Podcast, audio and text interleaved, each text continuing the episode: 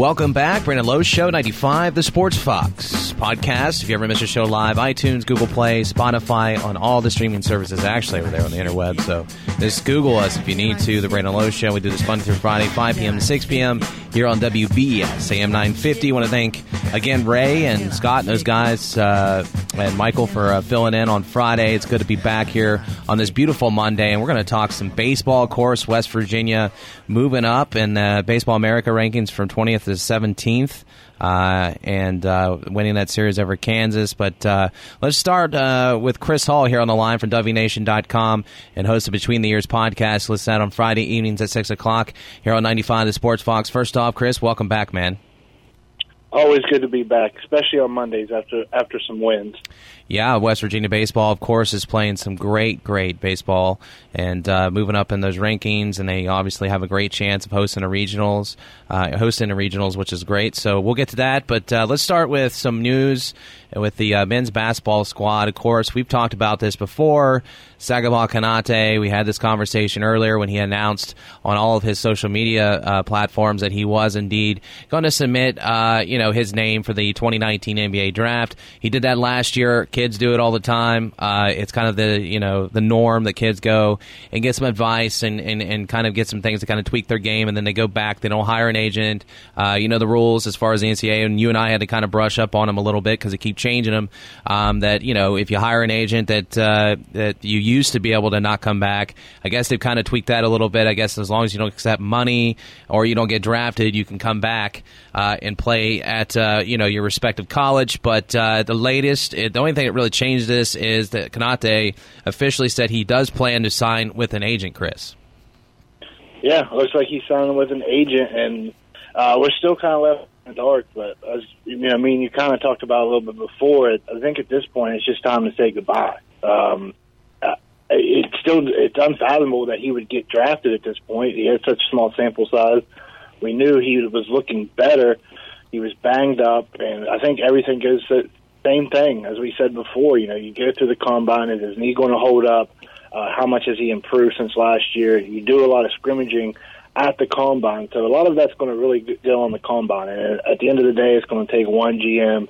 If he's going to get drafted, do they need to see him go through a whole season? If he's got a knee problem, there's going to be a lot of questions. I think most of that will get answered after the combine. Then you'll start to see where he's going to be setting in the draft, and then after that, then you'll have a good idea whether he's coming back. So if he looks like he's going to be a second round draft pick now that he has an agent, uh, he's pretty much he's he's going to be gone. I think if, if if he's projected a second round, he gets drafted, he is gone at this point with hiring an agent. So uh, I would assume probably uh, someone may take a chance on him, but I think it's just time to kind of turn the page. I know the coaching staff isn't ready, but they uh, they have a plan in place for when he doesn't come back. So I think everything is is set. It's just a matter of making it official at this time when once he gets drafted. Of course, we are getting some reactions, and this thing's kind of blown up on Twitter since we kind of released the uh, the press release that the media gets. Uh, you know, obviously the university will put it up first, and then we scramble to put it up on our end on social media to let people know and our followers and fans of uh, whether it's WV Nation or the Brandon Lowe Show, whatever it is out there, reporting on this. And there's been a lot of comments. Um, some people asking, of course, if he gets drafted, you know, uh, he can't come back. If he signs with an agent, then he can't come back even after not getting drafted. So people still are trying to figure out what the rules are, Chris, on what exactly it's kind of muddy waters, especially with how the NCAA is going to handle college basketball after the FBI scandal. If you remember, they got the rules committee put together. I forget what they called themselves officially, but um, they wanted they even kind of entertained the idea of having agents and hiring agents to kind of take away the back end behind the you know the dark alley so to speak of you know hey we'll pay your family you can already have the agent put in place and that was kind of the things they were discussing. So I think that's why some of the rules have been kind of tweaked because even college basketball is kind of moving towards uh, hey we may even allow these guys to have agents these star players. Right. I mean there's so much money being thrown around and yeah, you don't want you, you don't want to be victim, right? You don't want to play the victim card all the time. All these blue bloods, what's going on? But there's so much money being made eh, just at AAU level. This is high school. I mean, there's so much money being thrown around. So I think, I think if you allow it, it it's going to be no matter what you do, it's going to be really hard to police, right? I mean, it, there's a lot of money. There's a lot of moving parts. There's least there's a 300 some school Division One schools in college basketball. So it's going to be hard to police. But I think if you start taking the right steps and you start protecting these players, because really at the end of the day, these, these are just kids coming out of high school. These, these are kids, and I think at the end of the day, you have to find ways to protect them. And if that's writing a contract down the road, you know, you got to get your family involved, advisors, lawyers, whatever it is uh, that that may be a way to protect them and just let them hire an agent and let the agent do the work. Um, yes, there there's still going to be a lot of negatives that come out of that because you're going to have agents taking advantage of kids and so on and so forth. But at the end of the day, the NCAA has to do something right. Uh, we see them do so much wrong. It's time for them to do something right, protect these kids, and see what happens in the future uh, of college basketball because. Uh, You've seen the scandals from North Carolina. Uh, Duke has been under some scrutiny. We obviously know with Kansas, Arizona, uh, things are changing, and it's going to have to change in a direction where it's starting to protect the kids. Uh, we're speaking with Chris Hall of WVNation.com, also host of Between the Ears podcast. You listen to that on Friday evenings uh, at 6 o'clock here on WBS AM 950. This is the Brandon Lowe Show. Uh, yeah, uh, at DG Barker2 on Twitter said, smart decision on his part. If he's not drafted, he can return under NCAA rules, uh, new ones, get the experience of dealing with an agent also. So, um, you know, he's getting some of the experience with the business side. I have a hard time believing once, because uh, once these guys get sucked into the whole agent environment, as you know, dealing with agents on this side of the fence, we, you know, we're not, uh, you know, athletic enough, Chris, to uh, to be in Konate's uh, situation and being thrown all this stuff. But, um, but we've I've dealt with agents and and they're not all grease balls but at the same time they're there to make money and they're also you know there to make sure and how do you make money chris? You get them in a professional basketball of some right? Whether it's the nba whether it's you know G, i don't know how much they get out of g league but you know the nba and, and overseas and things of that sort. And then also endorsement deals. You want to get those out the gate. You want to get their face out there. So i have a hard time believing konate is just going to use this as more experience um, based off of all we've hearing about uh, as of late that he wants to go and play professional ball. And plus you had that instagram uh, instagram post and photo uh, kind of surfaced because I know you and I thought, hey, he's taking classes. He didn't play a full season last year. He played eight games, um, and you know he, he's going to come back. You know, it seemed like Konate it was set in stone for guys like you and I that we think this guy's going to come back, but this has now become more serious than signing an agent, and, I'm, and I have a hard time believing once you know this came out that he's going to come back. Right. I mean, if he can go back home uh, to his country, I mean, he can go to France. He can go. We've talked about where all he could go. And basketball is a worldwide sport. It's popular. It only takes maybe a year or two. Maybe he'll be in the European League. He may do what Jevon Carter did.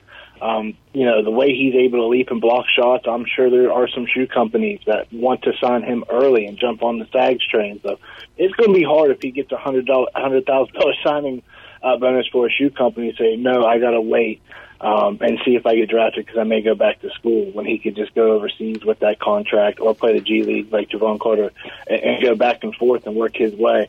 Um, to me, it looks like he's gone. I mean, I think he's gone. I don't think he's coming back. Uh, but you never know. Uh, you definitely never know. It, it it just there just seems to be so much around this situation, and all of it is pointing towards that he is not coming back. Um, it may, you know, he may have a horrible combine and it may not work out, but right now it just does not look like he's coming back. Yeah, certainly. And, you know, look, I wish Sags all the best if that's the way he's going to go. I uh, that if that's I mean Huggins even said, you know, in the press release, he said every kid who plays basketball growing up has a dream of playing the NBA. We wish Sags nothing but the best as he chases that dream.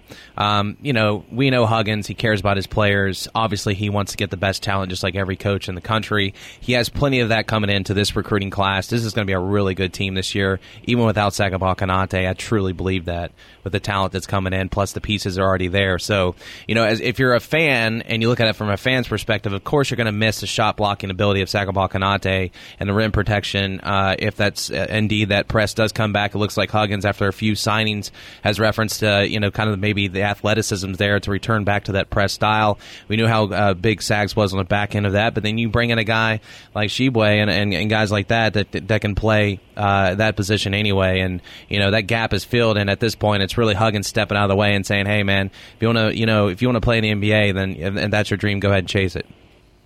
Yeah, he's not going to hold any any player back from going to the next level when they would go to the next level. We saw it with Devin Williams. Uh, he left early to go play Europe, uh, European ball. Just you know, he was in a financial situation that he needed to start bringing in money for his family. So he's not going to step in the way, and he's always going to be honest and tell them, look, this is what they see.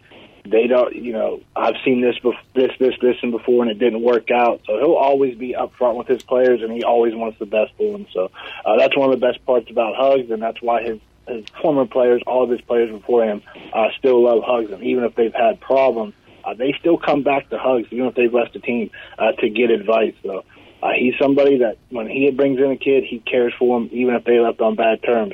Uh, usually that fence gets mended down the road, and he still helps them out. Again, Konate playing only in eight games this past year. He did average about 14 points, eight rebounds per game.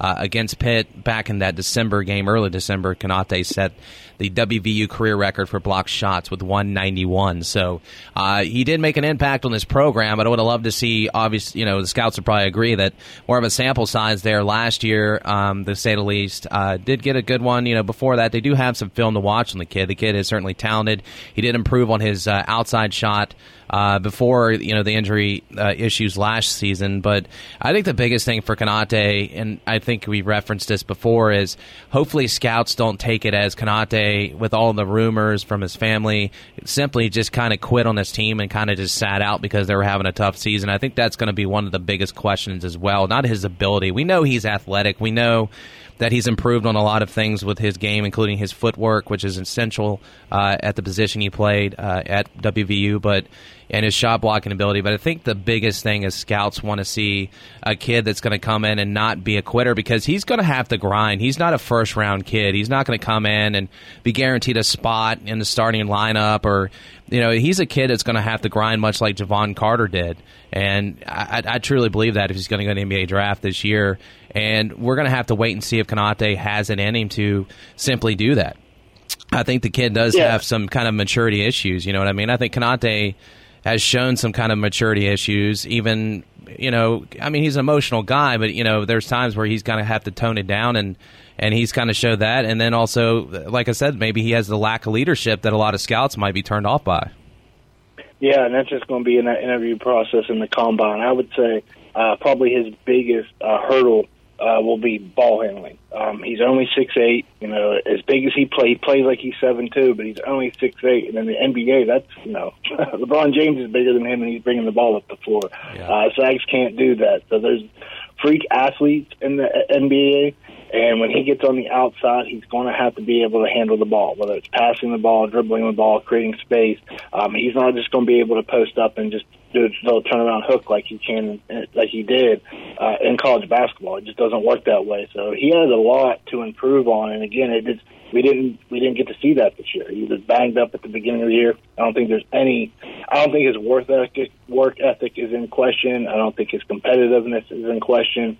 I think it, for the most part, it's going to be his skill set and how his knee is holding up right now, and that's really where where they're going to. I think that's really where they're going to look the most here in the combine. Yeah, I totally agree with the. Uh, uh, you know his his ball handling skills have to definitely improve. Um, and like you said, you know a lot of people look at Sags and think he's about seven foot two, but um, that's his wingspan maybe, but he's six eight. So, um, but yeah, he needs to definitely. That's one thing I would say to work on. And you know, you're right. I think uh, if if you know Sagaba Konate and you cover the kid and you're familiar with Konate like uh, yourself and you know the things I've seen out of him, sure. I mean, I think, uh, but if scouts see some things, that's obviously going to be on the table. But I, th- I agree with you. The biggest thing is just being able to, uh, you know, be able to dribble out of situations, and he's going to have to do that. He's going to have to work on those things, and I'm hoping he does that. And look, Chris, if the NBA or professional basketball in general, whether it's overseas or NBA, doesn't work out, he can always maybe go back to the soccer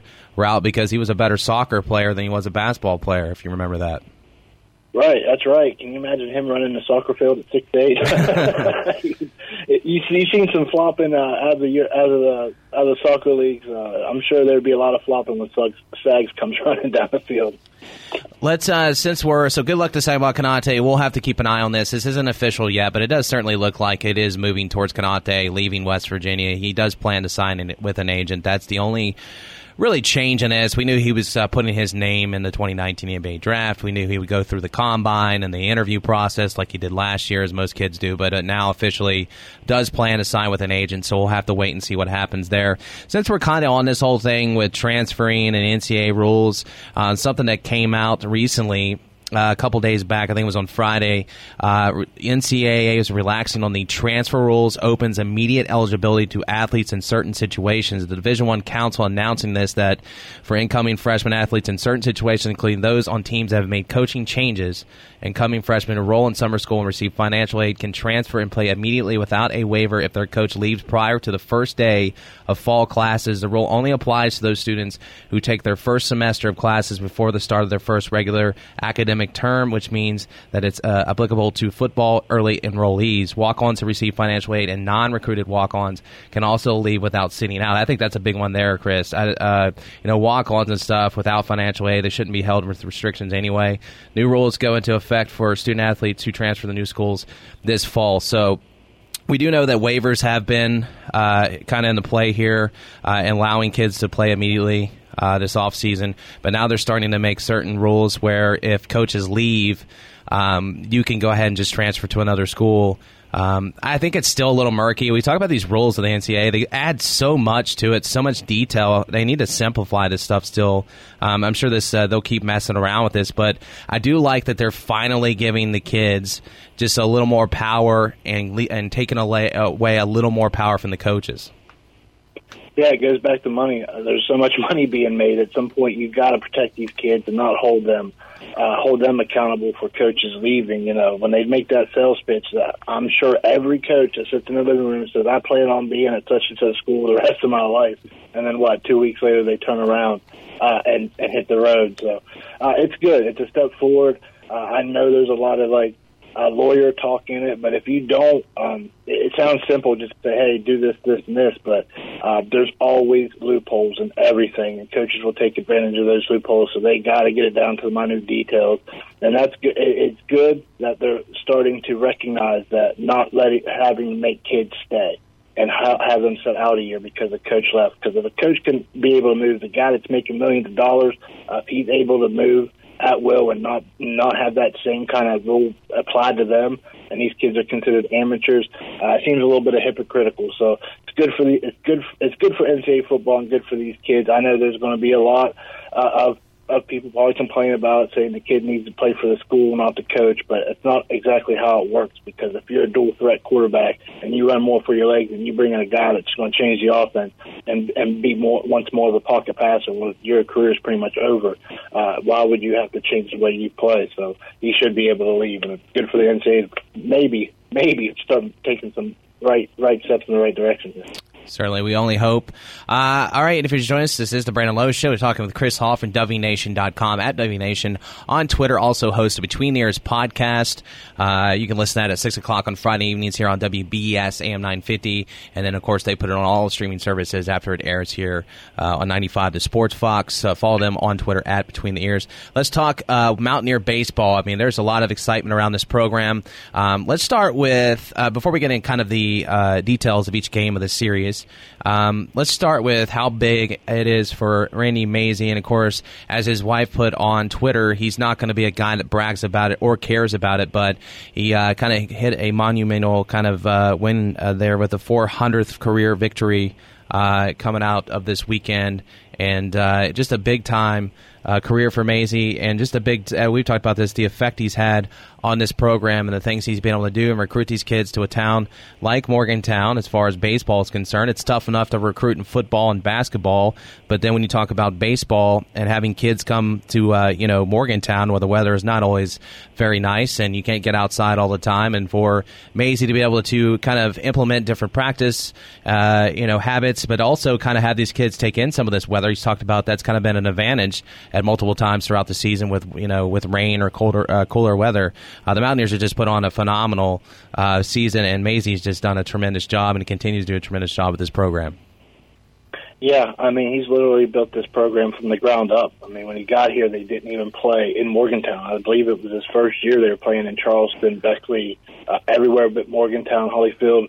basically was a glorified high school stadium. I mean, and that's probably being kind uh, to that field. It was a really bad field, and then they built that stadium. They made they made that deal uh, with the minor league system, and they you know they share they share it with the Morgantown Black Bears. But it's he's he has built it up, and they can continue to build it up. He's he's recruited well. He's recruited in-state kids, and he's getting kids from all over the place. You're talking about bringing kids from the south uh, to the north. You mentioned that cold. These kids aren't used to it, but they have embraced it. And when they practice in the cold, and he's just a baseball guy. I mean, you've had him on, you talked to him. I mean, he's 100% a baseball guy. Uh, plays the numbers, and he's just done a phenomenal job, and he deserves all the accolades that's coming his way. Uh, I would I would not be shocked if he ended up uh, as long as they can keep continuing to win the way they are, uh, he's more likely going to be the Big 12 Coach of the Year, and I would not be surprised if he is in contention for National Coach of the Year. Certainly, and uh, you know the Mountaineers. I mentioned this at the top of our conversation, moving up in that uh, Baseball America poll from 20th to 17th. Uh, we still got to wait on the other polls to come out, but uh, you know, of course, that's big time there. Anytime you get any type of consideration from writers and, and all that good stuff, moving you up three spots. Of course, winning the series, uh, winning what is this third third consecutive now? I'm losing track. They got Oklahoma, Oklahoma State is fourth, right? Texas Tech, yeah, and then now Kansas. Yeah, fourth. they're fourth. So uh, and that's not even, it's not the first time it's happened. I actually did this two years ago on the year they went to the uh, into the NCAA regional. So uh, to, you know, it comes sometimes you think they're making history, but you know, Mazey Mazey's been building this for a while, and they did it, they just did it two years ago. So uh, he, he's got the, this is a winning program, and people really need to take notice and start watching these guys and following them because you just mentioned the rankings. Uh, coaches poll came out recently. Uh, they moved up to 20th, so they keep climbing all polls uh, right now. Uh, let's talk about before we get into the logistics again of these games. And I want to really talk about Alek Manoah. What a talent there! But uh, you know, talk about kind of what you're seeing also with the crowds and support. I mean, we've seen this year as well two record-breaking crowds. You had the Pitt game, and then you had Texas Tech break that record. Um, the uh, and and Mazey, you know, made that joke, and I told you about that on your show that you know you didn't even have a spot at the Pitt game in the press box. You had to you know sit out in the crowd and kind of hide it out in the crowd and, and cover the game because it was so crowded even in the press box. Um, he, he said it was funny that you know, you guys had to, the media had to set out in the crowd just to kind of fill some seats um, because it was kind of embarrassing to his guys. You know, it was kind of tough to play in that type of environment. Now you're having you know three four thousand people uh, cheering your team on. It's just it's amazing as well to show the kind of the progression of the fans, but also kind of what winning does. You know, it kind of brings in that support, and it's good to see these fans support this program as well. Yeah, uh, a little lighter this weekend, obviously because of Easter. Uh, but yeah, you're seeing a lot more support from around the community, and people still now you got people just like in football uh, traveling in, staying at the hotel right next to the stadium. So, uh, yeah, he's getting a lot of support, and a lot of that has to do with Alek Manoah. Uh, that kid is incredible. I mean, he's worth the price of admission ten times over. Uh, two complete game shutouts the last two weeks. He's just getting stronger. You know, you, this is supposed to be that mid that mid uh, mid season lull. You guys kind of hit the wall and try to find the find their strength towards the end of the season. But Manoah continues to get stronger. He's getting more dominant each time out. I'm pretty sure every major league scout has been at Monongalia Ballpark at this point. So he he's been incredible. Uh, you really can't say enough about him. When he's on the mound, I mean, he's in complete control. A little bit different situation for him Friday night. Uh, in the ninth, he had two on, two and running scoring, uh, two on, two runners in the corners, uh, and gets out of it without giving up a run. I mean, that's um, that's rare for him. Uh, he's not lately. He has not had guys on the base pads, and he and he just attacks it the same way he does every batter. And I mean, when you're still throwing in the mid 90s in the ninth inning, uh, that's impressive. And this kid, he's a big presence out there. He's competitive, plays fired up, and um, there's a lot of talk between both dugouts. Friendly uh, friend, friendly banter, but uh, that, that fires him up. So I don't know why opposing opposing teams uh, try to get him riled up because the more he gets riled up, the, the harder he throws. Yeah, he's awesome to watch. I like I like when he gets fired up, man. He's kind of like he's kind of like Charlie Sheen's character in Major League, right? You know, Wild Thing comes right. out and people try to talk trash, and it just you know it fires him up more, which is pretty cool. He struck out 15 batters in that complete game shutout on Friday, uh, or I'm sorry, Saturday, that uh, first game of the doubleheader. Junior first baseman, of course, Marques Inman hit that walk off home run. How big has Marques Inman been, by the way? He's he's stepped up several times this year, and uh, it's you got some really cool pictures, by the way, of that walk off and that first game of the doubleheader. Just a really cool moment. Not only is your pitcher playing extremely well, but then you have a guy like Inman to step up really big and hit that walk off home run, which is always cool to see in baseball. Yeah, it's it's weird too because he's kind of struggled at the plate as of late, and that's not something we expected from Marques this year. He had a big year last year, kind of carried the team as far as power last year, and um, you know, teams have been able to pitch towards him, to him a little bit more because you have McIntosh, you have Darius Hill, uh, sandwich in between. So he has he's had he's had a a struggle, but man, when he gets that bat on the ball, you hit it dead center at Mon County Ballpark, and it cleared, and that's 400 400 feet dead center, uh, and it cleared it by by a good 30, 40 feet. I mean, it was gone it was completely gone. And that, that's it's hard to hit there because the wind blows into left field. It kind of knocks those balls down a little bit, and he cleared it without a problem. And that was big for Marques. He had that walk off walk uh, last week. Uh, just a week prior, so he's been big in clutch situations. That's what they expect him to do. It's what they expect this team to do, and they've just had some big innings late in the game, and it, it it's fun uh, when it's like that. Uh, the, offense has been kind of sluggish as of recent, but when they when they need when they need a big hit, big run, man, they come through in the end. That's their second in three games as far as the walk off stuff at that moment. Uh, and then we go into the second game of that doubleheader. You and I have talked about this. History tells us usually whoever takes the first game of the doubleheader usually loses the second game, and West Virginia wins the first one. You're going, uh oh, they may not win this one. Um, but a wild pitch scored the game-winning run in the 11th inning, and uh, they got the uh, walk-off there, uh, uh, four to three there, as you mentioned, second time on Saturday. So kind of interesting what happened there. You know, you got two walk-offs in different type of situations, but um, just uh, securing both those victories back to back, uh, going ahead and you know, sweeping those uh, that doubleheader and winning the series right out. Uh, didn't grab the third game um, but did win the series. It was just uh, a big time, uh, another big time weekend for this program, and you know you saw a lot of uh, big time moments as far as you know the weather wasn't great. You know uh, you had to you had to sit around there for a little while, Chris, right? Uh, a couple times during the weekend. What was it? Sunday? You were there. You were sitting there for a couple hours, wasn't it? Uh, no, it was Saturday. Saturday. That's we right. already yeah. had a double header, and the first game was quick. Second game was moving fairly Yeah, quick yeah, yeah. as well. Um, and Paul McIntosh actually saved that game um, because it was the sixth inning. Uh, Kansas was winning one nothing, and Paul McIntosh uh, hits a solo shot to left center field to tie it up. And right after the inning ended, uh, they delayed the game, and it was not on the radar. It was not looking like it was going to end uh, at any point. The rain was not going to end, and so at that point, if if McIntosh does not tie that game, uh, they probably call that game, and that series goes to even in the Sunday. So it, it's a totally different outcome. But Ma- McIntosh steps up big. Two hour and 40 minute delay. There was quarter size hell, uh, raining down. It covered the field. They had to wait for it to melt, all that good stuff. And they end up, they, you know, they score two runs in eighth. Kansas comes back, and it goes extra innings. I think we were there uh, for the entire day, like 10, 11 hours for the entire day. So, uh, big step. That was huge uh, for those kids stepping up. I mean, they could have just folded it in and said, well, you know, we'll take this series on Sunday, but they continued to battle, got themselves in the position. A pass ball gets it randomly. You know, a lot, we just kind of said it a minute ago, you had a walk off walk last week and then a pass ball walk off. So, uh, hey, at the end of the day, as long as you win, it doesn't matter. People look at the final score and you get, you get that in that win column. Doesn't matter how you get it done. Yeah, of course, appreciate your work there, having to kind of camp out and, and there for hours. You said 11 hours trying to wait for the kind of the weather to, uh, you know, get the field dry up as much as they can and all that good stuff. But, uh, man, yeah, you're right. I forgot about that, Paul McIntosh hitting that because by rule, uh, at that point in the game, if, uh, you know, well, you know, obviously, depending on who's up and all that stuff, but by rule, they could have they could have just called that a doubleheader uh, at that point in the game. So good point there as far as McIntosh tying the game and sending it to the next couple innings, or obviously until they find a winner. But uh, yeah, that was huge there in that uh, that second game of doubleheader. And then of course Sunday, uh, not able to uh, they rallied with that four run eighth inning, but not able to uh, knock off Kansas, losing six to five. So Mountaineers currently sitting 24-14, 8 and seven, and Big 12 play.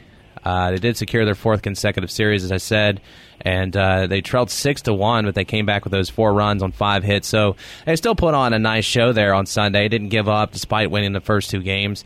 They only suffered their third loss in 16 home games. That's another big thing is the fact that they have completely protected their home field, um, especially when you start talking about hosting a regional game, uh, regional, you know, the, regionals or whatever. That that's big there. Seeing that West Virginia is able to um, protect their home field the way they have this year as well, Chris. Yeah, and that puts them third in the Big 12.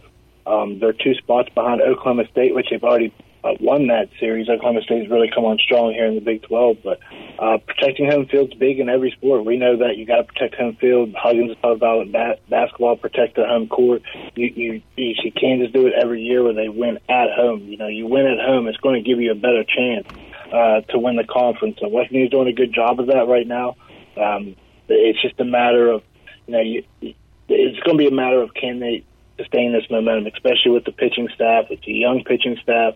Can they continue to uh, perform the way they've been performing? But Mazey's been uh, playing the numbers. He he doesn't overwhelm these freshmen. He does it pretty much by committee, especially on Sundays. So it's just a matter: can they sustain this? Can they keep been working continue to work so they don't have to make any more adjustments because you're get, you're going to start after this weekend get into the back half of the schedule. You're already in the back half of, it, but you're really going to get down the stretch here. So uh, the biggest concern I think right now for this baseball team is the bat. Yes, they just scored four runs in that eighth eighth inning has been really big for them. I think that's been their best inning all season long, which is good when you're scoring runs late in a game like that. But they've got to find ways to start producing more runs. That wasn't a concern going into the season. Thought that was going to be their strength, but um, they, they've gone up against some great pitching staffs. They played the hardest part of their Big 12 schedule so far. Got a t- couple more tough ones here with TCU and Texas coming up. So they get by those, especially on the road at Texas. They can win those series. It's going to be interesting come down the stretch what Oklahoma State does because it looks like they're going to finish uh, top three, maybe top four uh, in the Big 12.